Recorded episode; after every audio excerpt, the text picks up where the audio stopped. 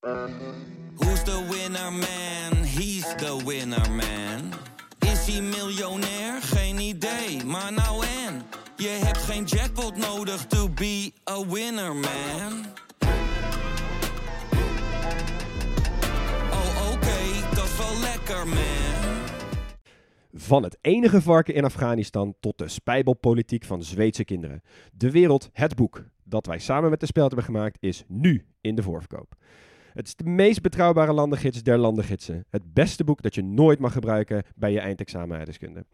Ga naar grotepodcastlas.nl slash boek, bestel hem en dan heb je hem eind juni in huis. 12 afleveringen, 12 provincies. Een reis langs bekende en minder bekende onderwerpen. Want zeg eens eerlijk, hoeveel weet jij van de provincies waar je niet vandaan komt? En nog eerlijker, hoeveel weet je van de provincie waar je wel vandaan komt? Een belangrijke vraag, want de provinciale statenverkiezingen komen eraan. Goede reden voor een bliksembezoek langs alle Nederlandse provincies. Nu geldt ons credo nog meer dan ooit. We zijn nooit volledig, maar wel origineel. Geen experts, wel liefhebbers. Welkom bij de provinciespecials van de grote podcastlas.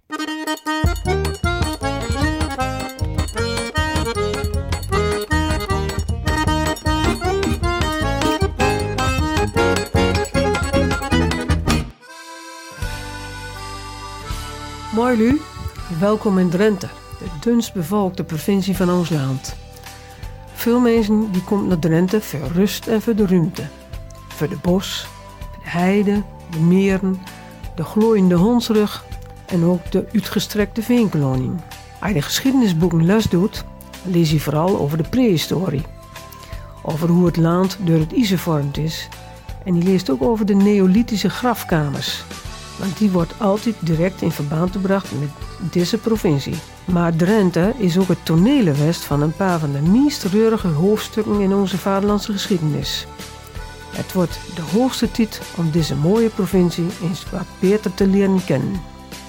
Ja, jongens, onze eerste provincie. Als eerste provincie. Eh, ik vind het wel leuk, dit. Het is ook een beetje een, go- een gok, weet je? Gewoon of dit leuk is of niet. Meestal vliegen we echt de hele wereld over, denkbeeldig gezien. Alle wilde landen. Ja, En nu eh, is het gewoon eh, ons eigen landje. ik vond het in ieder geval super leuk om voor te bereiden. Ik ook superleuk en super moeilijk tegelijkertijd. Want aan de Ja. ene kant, je hebt allemaal leuke verhalen. Bij elk verhaal wat je open doet, openen zich vier nieuwe verhalen. Ja, Ja, er is gewoon zoveel over gedocumenteerd. Het is zo makkelijk te vinden. Ja, de cijfers staan op CBS Statline. Ja, en dat is wel eens even luxe nadat je je hebt verdiept in Ja. ja. de economie van een obscuur land. Ja. Maar ik moest Ja. toch wel een vooroordeel door.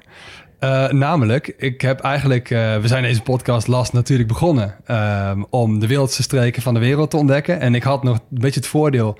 dat ik zelfs liever Cyprus of St. Vincent en de Grenadines onderzoek... dan Drenthe of Overijssel. Ja. Eh, ik ben benieuwd of ik ervan terug ga komen. Ik, ik ben ook Ja. benieuwd. Ja. En nu we het toch hebben over vooroordelen. Jongens, eh, we gaan eh, alle afleveringen even beginnen met de vraag... ehm, wat is jullie gevoel bij de provincie die we bespreken? Ja. En dat gaan we Ja. allemaal even doen. En dan eh, kijken wat daarvan eh, blijft staan aan het eind van de aflevering. Dus wat is jullie gevoel bij Drenthe? Nou, ik heb Drenthe eigenlijk best wel lang links laten liggen. Ehm, er is nooit zo heel veel aandacht aan besteed. Ook nooit zo heel veel geweest in het eerste deel van mijn leven. Eh, altijd een beetje gedacht van, dat is een plat, eh, plat akkerland. Maar Ja. ben er eigenlijk de laatste jaren wel achter gekomen dat Drenthe natuurlijk heel gevarieerd is. En Ja. heel mooi. En eh, ja, de laatste keren dat ik er ben geweest, heb ik dat ook echt wel, echt wel beter ontdekt. Ja, Ja. Ik, heb, ik heb precies hetzelfde. Sinds ik ben gaan wielrennen, eh, nou, acht jaar geleden of zo, ehm, ben ik wel proberen, ben ik aan het proberen om alle provincies in Nederland in ieder geval flink door te fietsen. En dan pak je gewoon de trein naar Emmen of naar Assen en dan fiets je dan terug naar Utrecht in ons geval. En dan kom je erachter dat Drenthe eigenlijk echt heel erg mooi is. Maar Ja. echt uit, uit, zeg maar, Ja. out there van de mooiste provincies, als je het mij vraagt. En, Ik- en voor jouzelf, wat is jouw gevoel bij Drenthe? Eh, ja, ik denk echt dat Drenthe misschien wel de mooiste provincie van Nederland is. Dus wat dat betreft Oh, sluit ik me bij jullie aan. Zo, oké. is Dat is van iemand die uit. Gelderland komt. Ja, mijn vriendin komt uit eh, Drenthe slash Groningen. Dus ik ben op zich een beetje... eh, ik, nou ja, ik ben er wel vaak, zeg Heb je maar. het dan over natuur of heb je het dan over de mensen die je het mooist vindt qua Vooral natuur. Ehm, maar Drenthe is denk ik wel, dat vind ik dan wel tof als je kijkt naar een Nederlandse kaart. Eh, zeker een eh, reliefkaart. Dan is Drenthe super interessant. Ja, Ja. Want je hebt echt twee delen Drenthe. Komen misschien maar later wel op. Ehm, maar dat vind ik echt heel tof aan Drenthe. Ja. Nou, voordat we hier eh, veel te lang in blijven hangen... we moeten ook nog iets inhoudelijks gaan doen vandaag. Dus, paspoortje over Drenthe. Heel kort. Het is de zuidoostelijkste provincie van de regio Noord-Nederland. Hey. Grenst aan Groningen in het noorden, aan Friesland in het westen en aan Overijssel in het zuiden. En in het oosten natuurlijk aan Duitsland. Qua oppervlakte is het de zevende provincie van Nederland, ietsje kleiner dan Noord-Holland. Net zo groot als Luxemburg ongeveer. Oké, goeie. Ja, aantal inwoners. Eh, wat denken jullie? Wonen er meer mensen in de stad Den Haag dan in Drenthe of niet? Ik denk meer in Den Haag. Volgens mij heeft Den Haag iets van 400.000 of zo. En Drenthe Ja, volgens mij 300.000 ook uit Iets meer in Den Haag. Er wonen bijna 500.000 mensen in Drenthe. En wel net ietsje meer in Den Haag. Dus er wonen meer mensen in Den Haag dan in Drenthe. Oh, zo. Ja. Nou ja. Nou, hoofdstad Assen eh, en de drie grootste steden. Ik heb het paspoortje even een beetje omgebouwd. Want ja, eh, valuta en zo en eh, religie is niet zo heel spannend. Dus de drie grootste steden zijn Assen, Emmen en Hogeveen. De grootste gemeente is Midden-Drenthe. Zo'n mooie lappendekens en Ja. verzamelding. Ehm, en eh, de plaatsen Bijlen, Westerbork en Smilde bijvoorbeeld liggen daarin. Ja. De kleinste gemeente is Meppel. Dat is Oh. dan meer een soort stadstaatje. En het- Ja. ze hebben ook altijd de eerste gemeente. AA en Hunze. Ja, Het staat oh altijd ja, bovenaan. Klopt, inderdaad. Het college van de gedeputeerde staten in Drenthe, hè, dus het provinciale bestuur sinds 2019, is PvdA, VVD, CDA, GroenLinks en ChristenUnie. En de vlag van Drenthe is een witte vlag met twee horizontale banen erdoorheen. Eh rode banen zijn dat. En tussen die horizontale banen staat in het wit zes sterren. De dingspelen. Oké. Denk even regio's. Ja, Ja. En in het zwart staat de toren van het kasteel van Koevoorde. vet. Denk je nou, deze vlag lijkt een beetje op de vlag van Berlijn? Dat klopt. Daar is die toren een beer. Ja, inderdaad. Oh, wow. Min of meer. Oké. Ja, vet.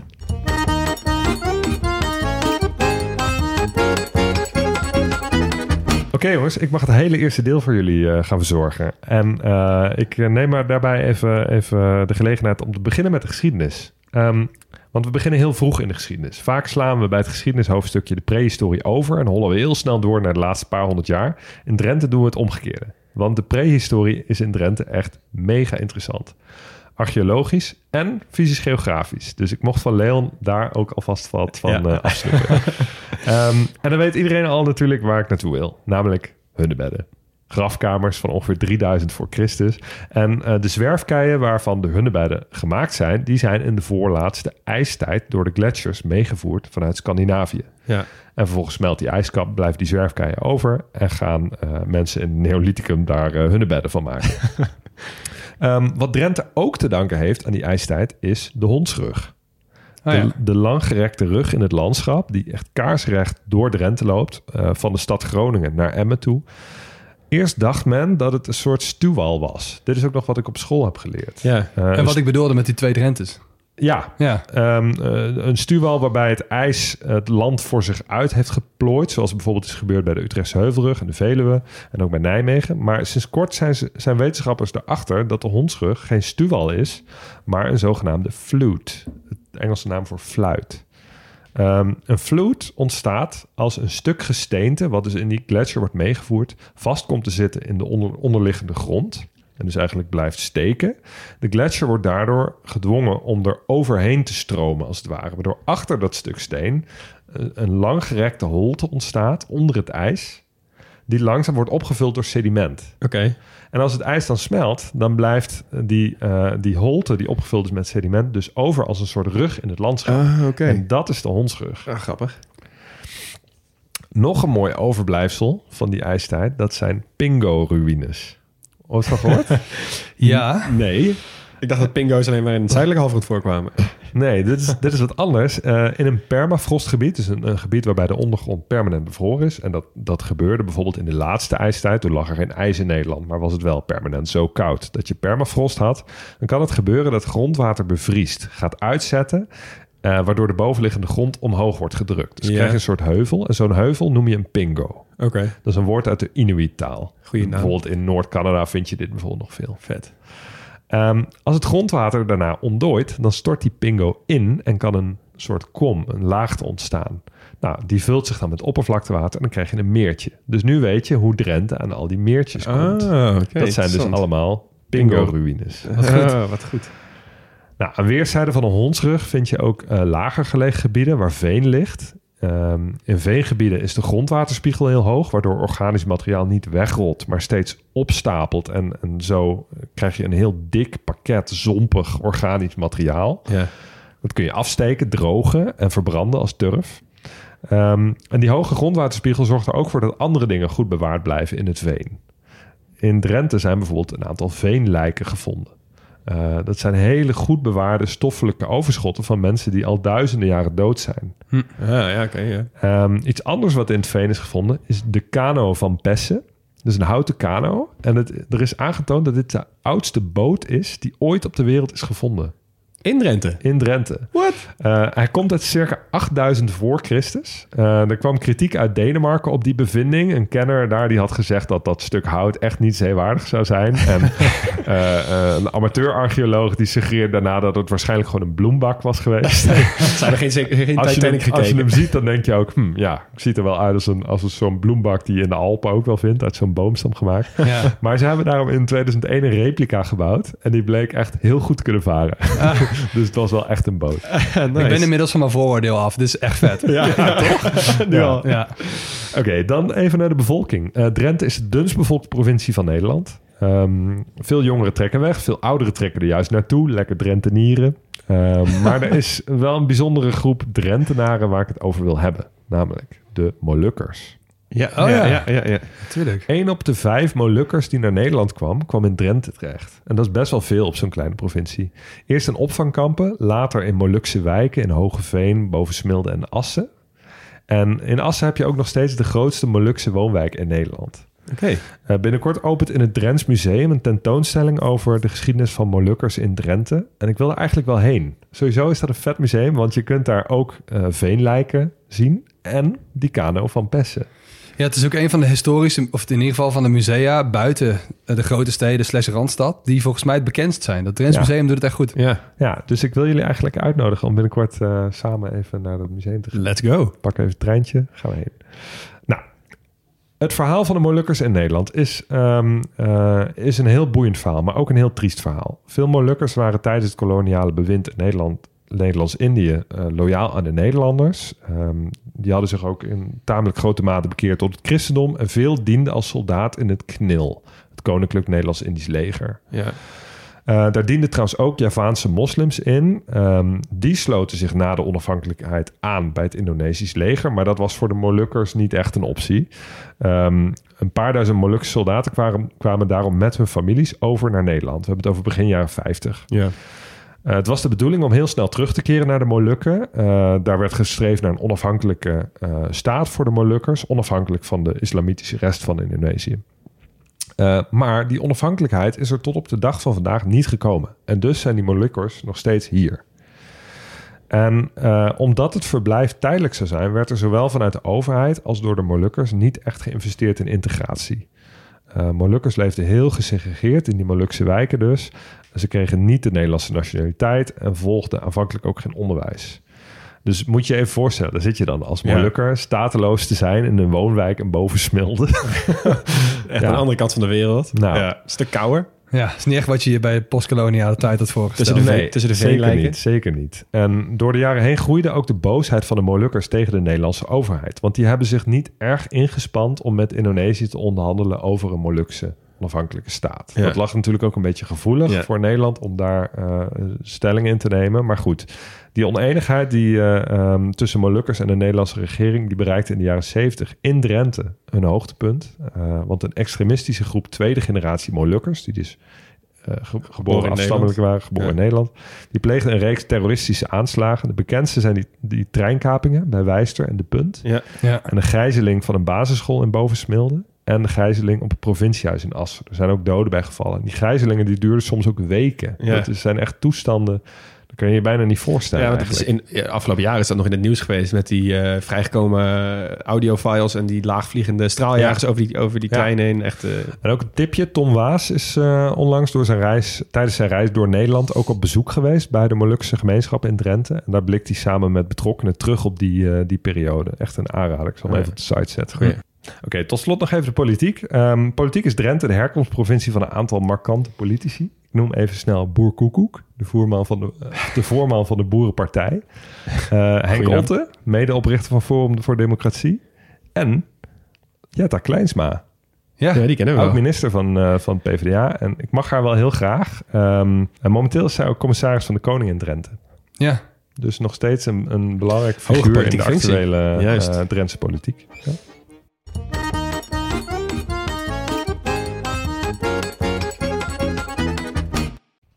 Stop de podcast. Je vakantiegeld komt eraan, dus het is tijd om jouw reis te boeken. En onze sponsor van vandaag heeft een dikke kortingscode. En die sponsor van vandaag is Sawadi, niemand minder. Dit is een reisorganisatie en vakanties zijn natuurlijk duur, dus dit aanbod is extra interessant deze tijd. Ik vind dat altijd een mooie organisatie, Sawadi. Ja, ja ik ook wel. En Ja. ze bieden verschillende soorten eh, groepsreizen aan. Eh, en vandaag gaan we het even hebben over die ze aanbieden aan de 22 tot 35-jarige backpackers. En dat zijn over het algemeen mensen die wel wat meer willen weten over het land dat ze bezoeken. En dus niet zomaar van A naar B die hotspots aflopen, busje in, busje uit. Ja, en het zijn ook mensen die het vaak leuk vinden in een groep eh, te reizen. En eh, die groepen die blijken ook heel snel vriendengroep te worden. Zowel tijdens de reis als daarna. Eh, mensen komen vaak nog heel, veel, heel vaak met elkaar terug, spreken af om te meeten en zo. En je kunt dus ook echt naar heel veel plekken op de wereld. Populair zijn op dit moment plekken als Zuid-Afrika, Marokko, Jordanië, Colombia, Nepal. Eh, maar bijvoorbeeld ook plekken die normaal gesproken niet altijd makkelijk te bereizen zijn voor, ik zeg maar wat, alleen reizende vrouwen. En dat zijn dan bijvoorbeeld plekken als India. Ja, en ze werken natuurlijk samen met lokale organisaties, niet met de grotere hotelketens. Eh, ze eten bij locals, eh, lopen rond met mensen die heel veel kennis hebben over de lokale gang van zaken. En daar komt de kortingscode om de hoek kijken. Want als je nu een 22 tot 35ers reis boekt, krijg je 100 euro korting met de code TGP100. En die code is geldig van 1 mei tot 16 juni. Ja, dus je moet wel een beetje op tijd boeken, maar hey, 100 euro korting op zo'n reis. Moet je zou kijken dat- wat je er allemaal mee kan ik doen. zou dan toch altijd even proberen om DGP 200 in Ja, te voeren. ja, ja, ja, dat ja. ik misschien. Ja. Ja, ik- Anyway, 100 is ook al super mooi. Zeker. En bij Sawadee, het reizen is heel makkelijk. Er is heel veel keuze en het is dus ook heel gezellig. Sawadee, met wie ga jij op reis? Terug naar de podcast.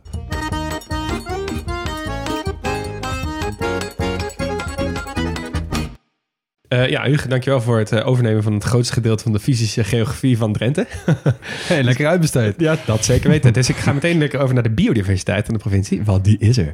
Eh, het Drents heideschaap, ja ja, is het oudste schapenras in West-Europa. Bron, Oh. Nederlandse fokkersvereniging, het Drents heideschaap. Nou, die, die geloof ik meteen. Meteen, ja. Ehm, eh, je hebt ook nog de Drentse patrijshond, oftewel de Drentse patrijs. Een hele goede jacht- en huishond. Dus twee mooie Drentse dieren meteen. Dat zo, om mee te starten. Ehm, economisch gezien heeft Drenthe van oudsher een grote en sterke landbouwsector. Ehm, het is vrij extensief van aard. Ruim 70% van het oppervlakte van Drenthe wordt gebruikt voor landbouw. Dat is best veel. En de rest van, het, eh, van, eh, van Drenthe wordt ongeveer gebruikt voor het Nationaal Park. Want ze hebben drie supermooie nationale parken. Daar loop ik even met jullie doorheen. Het Nationale Park het Dwingelerveld. eh, het grootste aaneengesloten natte heidegebied van West-Europa. Daar is het ook wel echt mooi. Daar is het heel mooi. Eh, meer dan 60 vennen en veenmoerasjes. En ze hebben daar dus ook nog gewoon twee schaapskuddes met herder... die die hele heide in conditie houden. Dat vind ik vet. Dat is echt een ver van je bedshow als je in de stad woont. Maar die hebben ze daar. Ja. Ehm, en als je bijzondere dieren wil spotten... dan moet je naar het andere nationale park. Het nationale park Drentse A. Een A met dubbel A. Dat is een riviertje. ja, A is een rivier. Eh, hier leven onder andere de bever, de otter, de ijsvogel... en de wijdbeekjuffer. Eh, natuurlijk prachtige Nederlandse diertjes. Die kun je daar spotten. Eh, en tenslotte heb je, en dat is misschien wel mijn favoriet... het Nationaal Park Drents Friese Wold. Daar kun je ook prachtig doorheen fietsen.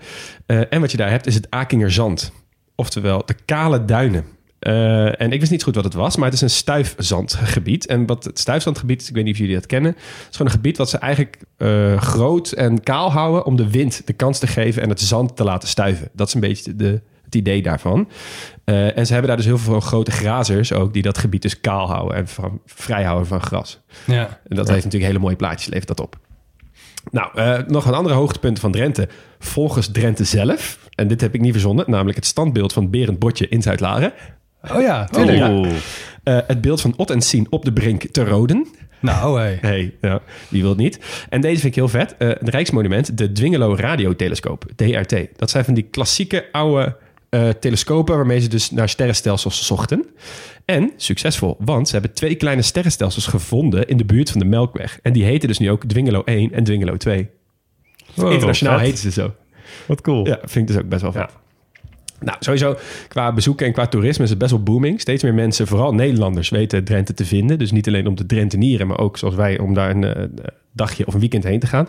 Wij hebben zelf met z'n drieën eh Odoorn en omgeving nog even eh, onveilig gemaakt. Ja, op de camping Op gestaan. de camping gestaan. Was heel gezellig. Super goed gemountainbiked. Supergoed gemountainbiked. Ehm, eh, maar ik wil ook inderdaad ook even naar een zwarte pagina in onze vaderlandse geschiedenis. Want een plek die heel veel bezocht wordt, is natuurlijk kamp Westerbork. Eh, en daar wil ik heel even bij, eh, bij stilstaan. Want hier werden de levens van meer dan 100.000 Nederlandse Joden, Sinti en Roma eh, veranderd voor altijd. En die worden daar dus ook nog tot op de dag van vandaag eh, in herinnering gehouden. Eh, het kamp werd door de Nederlanders in 1939 gebouwd als een centraal vluchtelingenkamp voor Joodse vluchtelingen uit Duitsland. Oh, Dus het- andersom. Dus het werd al gebouwd als kamp voor Joden, maar om ze op te vangen vanuit Oh. Duitsland. Ja. En Polen en die regio's. Nou, aanvankelijk zou, dit is het verhaal, aanvankelijk zou het kamp in de buurt van Elspet worden gebouwd, op de Veluwe. Maar koningin Wilhelmina vond die afstand van 12 kilometer tot haar zomerverblijf Paleis het Loo veel te weinig. Dus die eiste dat het ergens anders werd gebouwd. Ehm Wow, dus die, die vond de Joden gewoon te dichtbij nou, komen. vluchtelingen wilden ze niet in de buurt hebben. niet. Nee. een soort eh, not in my backyard, maar dan heel ver af van de letter. Eh, Ja. ja. Ja, precies. En toen werd dus gekozen voor het Amerveld op de Drentse Heide bij Hooghalen. Eh, ongeveer 10 kilometer ten noorden van het dorp Westerbork. Maar die kreeg dus de naam van dat dorp Westerbork. Eh, nou, na de, na de inval van de nazi's werd het gebruikt als een doorvoerkamp naar de vernietigingskampen. Vooral Auschwitz en Sobibor. Ehm, het was dus zelf geen vernietigingskamp. Echt een doorvoerkamp, zoals dat, eh, zoals dat heet. Eh, en tussen juni 42 en september 1944 werden er ruim 107.000 eh, gevangenen vanuit Westerbork per trein gedeporteerd. En uiteindelijk keerden 5000 van hen levend terug. Dus 102.000 Ja. van hen zijn vermoord. Dat monument is ook mooi, hè? Ik ben er nooit geweest. Met die, met, die, met die rails van die trein die gewoon in de eeuwigheid verdwijnen. Oh, mooi. Ja. Ja, symbolisch. Ja. Nou, na de oorlog ehm, werd eh, tot 1948 het kamp gebruikt voor eh, ongeveer 8000 NSB'ers en collaborateurs. Dus weer eh, een andere functie eigenlijk. Toen werd het kort militair kampement. ehm, en daarna werd het een woonoord voor gerepatrieerden uit voormalig Nederlands-Indië. Dus weer heb je daar weer dus mee te maken. Het is, deze, deze regio wordt gewoon gebruikt voor mensen waar ze eigenlijk niet zo goed van weten wat ze mee Ja. moeten in Nederland. En oh ja, dan, dan stoppen we ze daar wel in. Vrij ja, luguber eigenlijk op een bepaalde manier zo over denkt. Maar ja, goed. Mm. Eh, uiteindelijk werden er dus ook eh knielmilitairen uit de Molukken geplaatst. Daardoor. Ja. Nou, in 1971 vertrokken de laatste gezinnen en is het eh, kamp afgebroken en werd het vlak daarna opgebouwd als een soort herinneringsplaats voor wat er allemaal is gebeurd. Nou, tenslotte, vrolijk eindigen natuurlijk. De meest bezochte toeristische attractie van de hele provincie is Wildlands Emmen. Ja. Also known as Dierpark Emmen in onze, in onze, in onze jeugd. Ik dacht Ik dat je ben, dat ik ging ben daar noemen met... inderdaad eh, vroeger wel eens geweest. Dierenpark Emmen. Ja, Ja. dat is helemaal veranderd. Maar dat is helemaal verbouwd. Ja, ik dacht dat je dat ging noemen bij die, eh, een van de drie nationale parken. de met, met biodiversiteit. Maar nee, dat heb ik niet gedaan. Nee, ja, dat, dat is best wel een politiek ding geweest ook. Back in the day, weet ik. eh, uit een boek van Floor Milikowski. Want het was, ze wilden het eigenlijk helemaal vernieuwen. Maar toen kwamen ze achter dat het veel duurder was dan gepland. En toen gingen ze eh, het helemaal omgooien tot een soort pretpark. Hele hoge entreevragen. En eigenlijk kwamen ze drie, vier jaar achter... Yo, dit werkt niet. Eh, en de gemeente moest steeds meer geld inleveren. En op een gegeven moment was het gewoon van... Oké, hoe gaan we dit oplossen? Ehm, maar nu hebben ze de prijs verlaagd. Zijn ze zich echt gaan focussen op het dierentuin zijn. eh, en komen er steeds meer mensen. En werd ook vorig jaar uitgeroepen tot de beste dierentuin van Nederland. Vraag me af wat die, wat die award nou echt waard is. Met, eh, wat hebben we, negen dierentuinen of zo? Tenminste, ligt er een beetje aan wat je meetelt. Ja, wel, wel mooi hoor. Ja, maar. Ja, wel mooi. Ja, ja, Ja. zeker. Ehm, maar goed, wat ik heel vet vind aan deze dierentuin, ik hem even noemen, is dat zij met het oog op dierenwelzijn echt hebben gekozen voor het houden van diersoorten met een sociale levensstijl op relatief grote oppervlakte. Dus jij bent eigenlijk als bezoeker, ben jij meer op, op bezoek bij hen dan dat je even komt kijken hoe zij... tentoongesteld worden. Precies. Ja, en dat vind ik wel vet. Dat is meer de toekomst van het dierentuinwezen, als je het mij vraagt, zeg maar. Ehm, en Huug, voor jou helemaal een must-go. Want het park is opgedeeld in drie grote themagebieden... eh, die elk model staan voor een klimaatzone. Dus je hebt Jungola, daar staat de jungle centraal. Je hebt Serenga, is voor de savanne. En je hebt Nortica, en dat is het poolgebied. Vet. Daar ik Lekker. Hey, en dan nog even. Eh, je hebt het over nationale parken gehad, maar eh, de Hondschut, Ja. dat is het enige geopark van Nederland. ja. En eh, ik geloof dat jij jezelf even moet rectificeren. Ja, ik heb een foutje gemaakt. Ik heb namelijk in de, in de aflevering van Maleisië heb ik onderzocht dat er geoparken waren in Maleisië. En toen heb ik weet niet wat er mis is gaan in mijn, in mijn zoeken. Maar toen heb ik iets met Geopark gezocht en toen stond er... Ja, Geopark is de enige aansluiting in Maleisië. Dus toen heb ik iets gezegd als in Maleisië is de enige plek waar je Geopark hebt. Maar je krijgt ook een rectificatie aan mijn broek, want dat is compleet onzin. Want het is gewoon van UNESCO. en Je hebt er heel veel in de wereld, maar dus eentje in Nederland. En die staat in Drenthe en dat is de Hondsrug. Ja, Oh. En dat is dus een park wat geologisch of fysisch geografisch heel interessant ja is. dus meer culpa. Balen. Door naar kunst.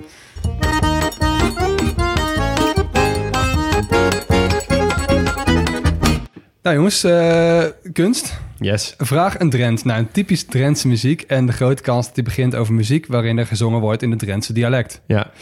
Nou, twee bands moet je dan kennen. Skik, Ja. Oh ja. een beetje een een losse vertaling van schik, dus plezier. Eh, en Mooi Wark. Ja, die ken ik ook. De laatste Ja, gaan we even op inzoomen. niet. Nice. Opgericht in 1992. Bestaat nog steeds. Eh, en ik wil nog wel even een mooie nomen est omen noemen. Eh, helaas overleden, de drummer. John Goffel. Fuck, wat een goede naam. Ja, maar ja, wel legendarisch. ja, nou, hij past in ieder geval in de traditie van streekbands... die volgden op het succes van het Gelderse normaal. En we noemen dat genre boerenrock. En eh Mooi Wark wordt, eh, wordt echt aangevoerd door de onvermoeibare frontman Bert Koops. En eh, die zegt over de keuze voor hun om te zingen in het Drentse dialect... ik kan geen Engels en mijn Nederlands is te slecht. Ze hebben wel een hitje gehad eh, en ik ga jullie even laten horen. En sowieso dat jullie hem kennen. We zingen, we springen, bij duizend in het rond. In de blote kont, in de blote kont. We hebben een glas omhoog Ja, ja Hossen. Achter in de zaal. Bier naar je hoofd. Let's go. Echt een lekker nummer eigenlijk wel. Ja man, hier zijn toch op te stuiteren. Iedereen. Zeker. Absoluut. Maar goed, eh, toch meer mensen in Nederland... als je het eh, toch muziek minnend Nederland vraagt... naar de Drentse bijdrage aan de Nederlandse muziekkanon... dan wijst men al snel naar Grollo. Ja. Een dorp van amper 600 mensen. Toch terecht dat ze, dat ze naar Grollo wijzen. Want in een Grolloze boerderij bevond zich het hoofdkwartier... van een legendarische bluesband... QB and the Blizzards. Ja, QB plus de Blizzards. Ja, precies. Ehm, Johan Derks is 50 jaar lang vrienden geweest met Harry Musquet. ehm, de frontman van de groep, totdat hij overleed in 2011. En in diezelfde boerderij is tegenwoordig een officieel QB-museum eh, gevestigd. En Grollo is nu ook elk jaar het toneel van het Holland International Blues Festival. Ja. Eh, kun je je voorstellen dat je daar gewoon Grollo. 600 Ja. mensen en dan één keer per jaar, dan wordt dat hele dorp Ja. overspoeld. Ik Ja. ben er zelf best wel vaak geweest. Echt super vet festival. Ik zou er nog wel echt graag een keer heen willen. Grote namen. Hoi.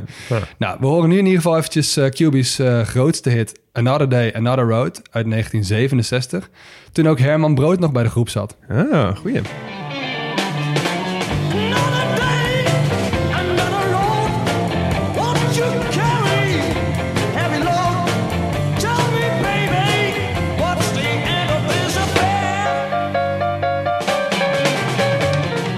Dit is, dat dit van Nederlandse bodem komt, dat vind ik wel lekker. Ik ben ook best wel... eh, ik vind het echt heerlijke muziek. Ja, Nederlands blues, als je, polderblues. als je toch bent opgegroeid met de blues... dan is dit toch wel een, eh, een mooie opsteker voor Nederland. Zeker, ja, absoluut. Nou, dan even een klein bruggetje naar de keuken. Want blijkbaar, en ik moet even, ik, ik wijs even naar mijn vriendin, die tipte meer over. Elke Drent kent de schrijver Anne de Vries met zijn roman Bartje. Oké. Ooit Oh, gehoord? ja. Nee. Ja. Ja, nee, oké. Ehm, nou, dat verhaal gaat zo. Hè. Eh, voor het eten, op een gegeven moment moet die Bartje moet bidden om God te bedanken voor het eten. Maar hij kijkt met afgrijzen naar zijn eigen bordje en hij zegt: Ik bid niet voor bruine bonen. Hele belangrijke term. Of echt een soort van legendarische one-liner uit, die, eh, uit, uit dat boek. Ik kan het niet in dialect, maar ik bid niet voor bruine bonen in Drenthe. Iedereen weet wat je bedoelt. Nou, wel eventjes eh, de acteur die Bartje speelt in de verfilming, Jan Krol. Die is afgelopen maand overleden. Ja, ik las het, ja. ja. Maar wat betekent het dan? Ik ben niet voor bruine bonen. Als in, ik... eh, Als in, hier doe ik het niet voor. ja, precies. Oké. Ja. oké. En, en zeggen ze dat... Wordt dat gewoon nog steeds gezegd? Als in...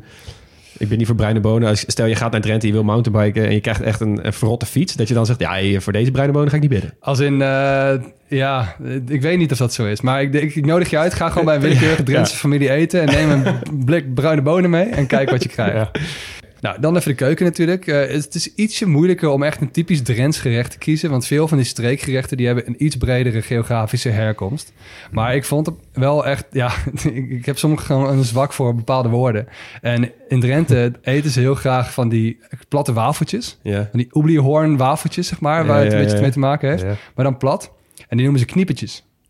Oh ja. Knie- Kniepertjes. Nou, Dat is ja, Als, als je zo'n woord kan noemen in een podcast, dan moet je het doen. ja, absoluut. Wat ze ook hebben is uh, luie wievenkost. Oké. Wordt ook wel potstro genoemd. Of stip in het gat. Kom ik zo op. Dat is wel een mooie, hè? Uh, luie wievenkost natuurlijk. Hè? Uh, ooit bedacht voor als vrouwen dan te lang aan het kletsen waren geweest... en voor een man lief nog snel even iets moesten maken... als hij thuis kwam van werk. Oh ja. Nou, wat is het dan? Uh, boekwijdpap met een kuiltje erin. En in dat kuiltje uitgebakken spek en stroop. Oké. En uh, ik heb dit pas Exotisch. even aan mijn schoonmoeder gevraagd. En die zei van, nou, ik vond het eigenlijk niks. maar, Maar- elke keer als ik hierover lees, denk ik van... het lijkt me eigenlijk best wel lekker. Dit klinkt gewoon als een spekpannenkoek met stroop. Juist. Ja. Ja. ja. Nou, uh, is het nou lekker? het weer eh, laat, gemaakt weten. wordt met eh, in heel Holland bakt of zo. En dan denk ik Ja. er heel Nederland weer om. Nou, is het nou niet lekker? Laat het dan ook even weten. En daarom noemen ze het dus ook wel stip in het gat. Hè? Dus je hebt een stap, eh, zo'n gaatje en dan gaat er Ja. stip in. Ja. Mooi. Dan even sport. Uh, ik ga even een, uh, een, liefde van jullie bedienen. Want uh, ja, jullie zijn natuurlijk allebei fanatiek fietser of fietsvolgers. Ja. Want ben je een fanatiek fietser in Nederland en je wil in Nederland je klimkunsten oefenen, dan moet je vooral naar Zuid-Limburg. Totdat de Vanberg ontstond. Yes. Een vuilnisbelt in een vuilnisberg in Wijster, een paar kilometer ten noorden van Hogeveen. Die is afgedekt met schone grond, hè, dus je kunt er gewoon op. En sinds kort ook beklimbaar voor wielrenners. Bovenaan vind je een, een bordje met Col du Vam. Col du Van. 4800 centimeter boven NAP. Wel om lachen. Ja. Uh, het grootste deel van die hele berg is nog wel operationeel als vuilnisberg. Uh, maar die wordt gescheiden van het recreatieve deel... door wat ook het dak van Drenthe heet. Ah, oké. Vind ik ook een mooie woord. ja. Nou, dat soort dingen zijn natuurlijk koren op de molen van Herbert Dijkstra.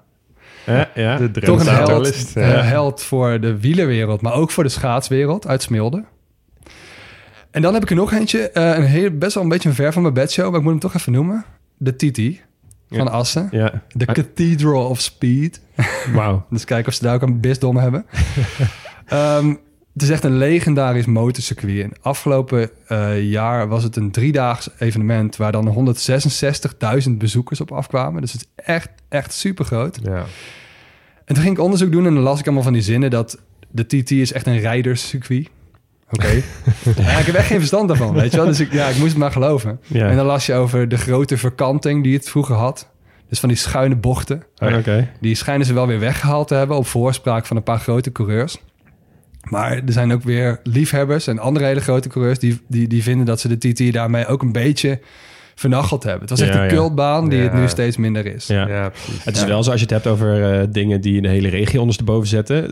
De TT. Zeker, Want echt, ja, zeker. snelwegen staan vast. Mensen staan op bruggen Ja. met grote spandoeken. Iedereen kijkt naar motors. in die zin is het nog steeds wel dat cult-event. Kijk, Ja. de motorsport wordt natuurlijk heel erg gedomineerd door races op circuits in landen... eh, waar gewoon met heel veel geld een circuit wordt gebouwd... of waar, Ja. waar in ieder geval zoiets achter zit. Maar eh, dit is echt net ja, nog zo'n oud circuit... waar een hele lange traditie van racen is. Ja, ik, ik leen zeg maar de, het gevoel dat die, dat die liefhebbers erbij hebben... van liefhebberijen die ik vanuit andere sporten heb. Ja, Weet je, dit is gewoon Ja. kleine voetbalstadionnetjes... die cultstadionnetjes Ja, zijn. Gewoon Ja. oud en eh, Ehm, veel liefde, veel goede verhalen, bla bla bla. Precies. Ja, en ja, deze ja. baan... Behalve eh, dat dit niet bepaald klein is. Nee, nee, nee. Nee, nee, zeker niet. nee. Maar die baan die stond wel weer bekend als ehm, een baan waarop veel risico genomen werd. Heel onvoorspelbaar. Grote kans op dat rijders crashen. Dus ik snap op zich wel waar het vandaan komt. Ja.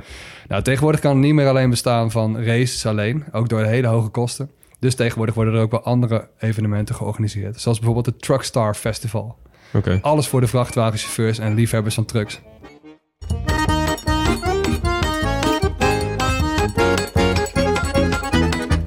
Jongens, tot slot één vraag.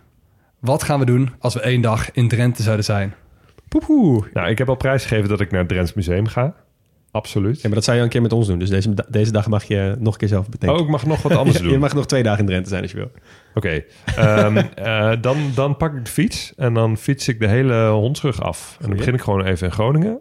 Echt bij het begin van de, van de hondsrug, in het Hoogstraatje. En dan eh, fiets ik helemaal door naar Emmen. Nice. Door de bossen langs de Hunebedden. Ja, goeie. Ik, eh, ik denk dat ik eh, sowieso daarheen rij over de Hunebed Highway. Hebben we nog niet eens genoemd. Nee, inderdaad, die is ook Een hele mooie N-weg, dwars door het mooie landschap van Drenthe. En daar blijf ik, want volgens mij is Drenthe ook een van de eh, provincies... waar je het beste in zo'n hutje kan overnachten. Waarin je het gevoel hebt alsof je echt in een Zweeds bos bent. Oh, dat je die, ja. die deur open doet en dat je niks anders ziet dan Drentse natuur. Zo'n Ja. oude plaggenhut. Nee, nee, het is wel echt zo'n hele moderne cabin, zeg maar. Ja. Ik, eh, ik zou dat gaan doen en dan midden in de Nederlandse natuur over, overnachten en testen of het echt de mooiste provincie van het land is. Dan ga ik eh, nog even lekker een eh, dagje naar de blues luisteren in Grollo. Goeie. Hele specifieke dag van het jaar. Hele Ja. specifieke dag van het jaar. Nou jongens, heel erg bedankt voor het luisteren naar dit hoofdstuk van de kleine podcastlas vanuit de Huiskamerstudio in Utrecht. Hoorde je ons, Leon Boelens, Max Gerritsen en Hugo Noordman en Jonas van Impe de eindmontage. We zijn nooit volledig, wel origineel, geen experts, wel liefhebbers. Volg ons even op Twitter of Instagram op @grotepodcastlas en kijk zeker even op de website grotepodcastlas.nl. Aanstaande donderdag reizen we door naar Noord-Holland. Mooi.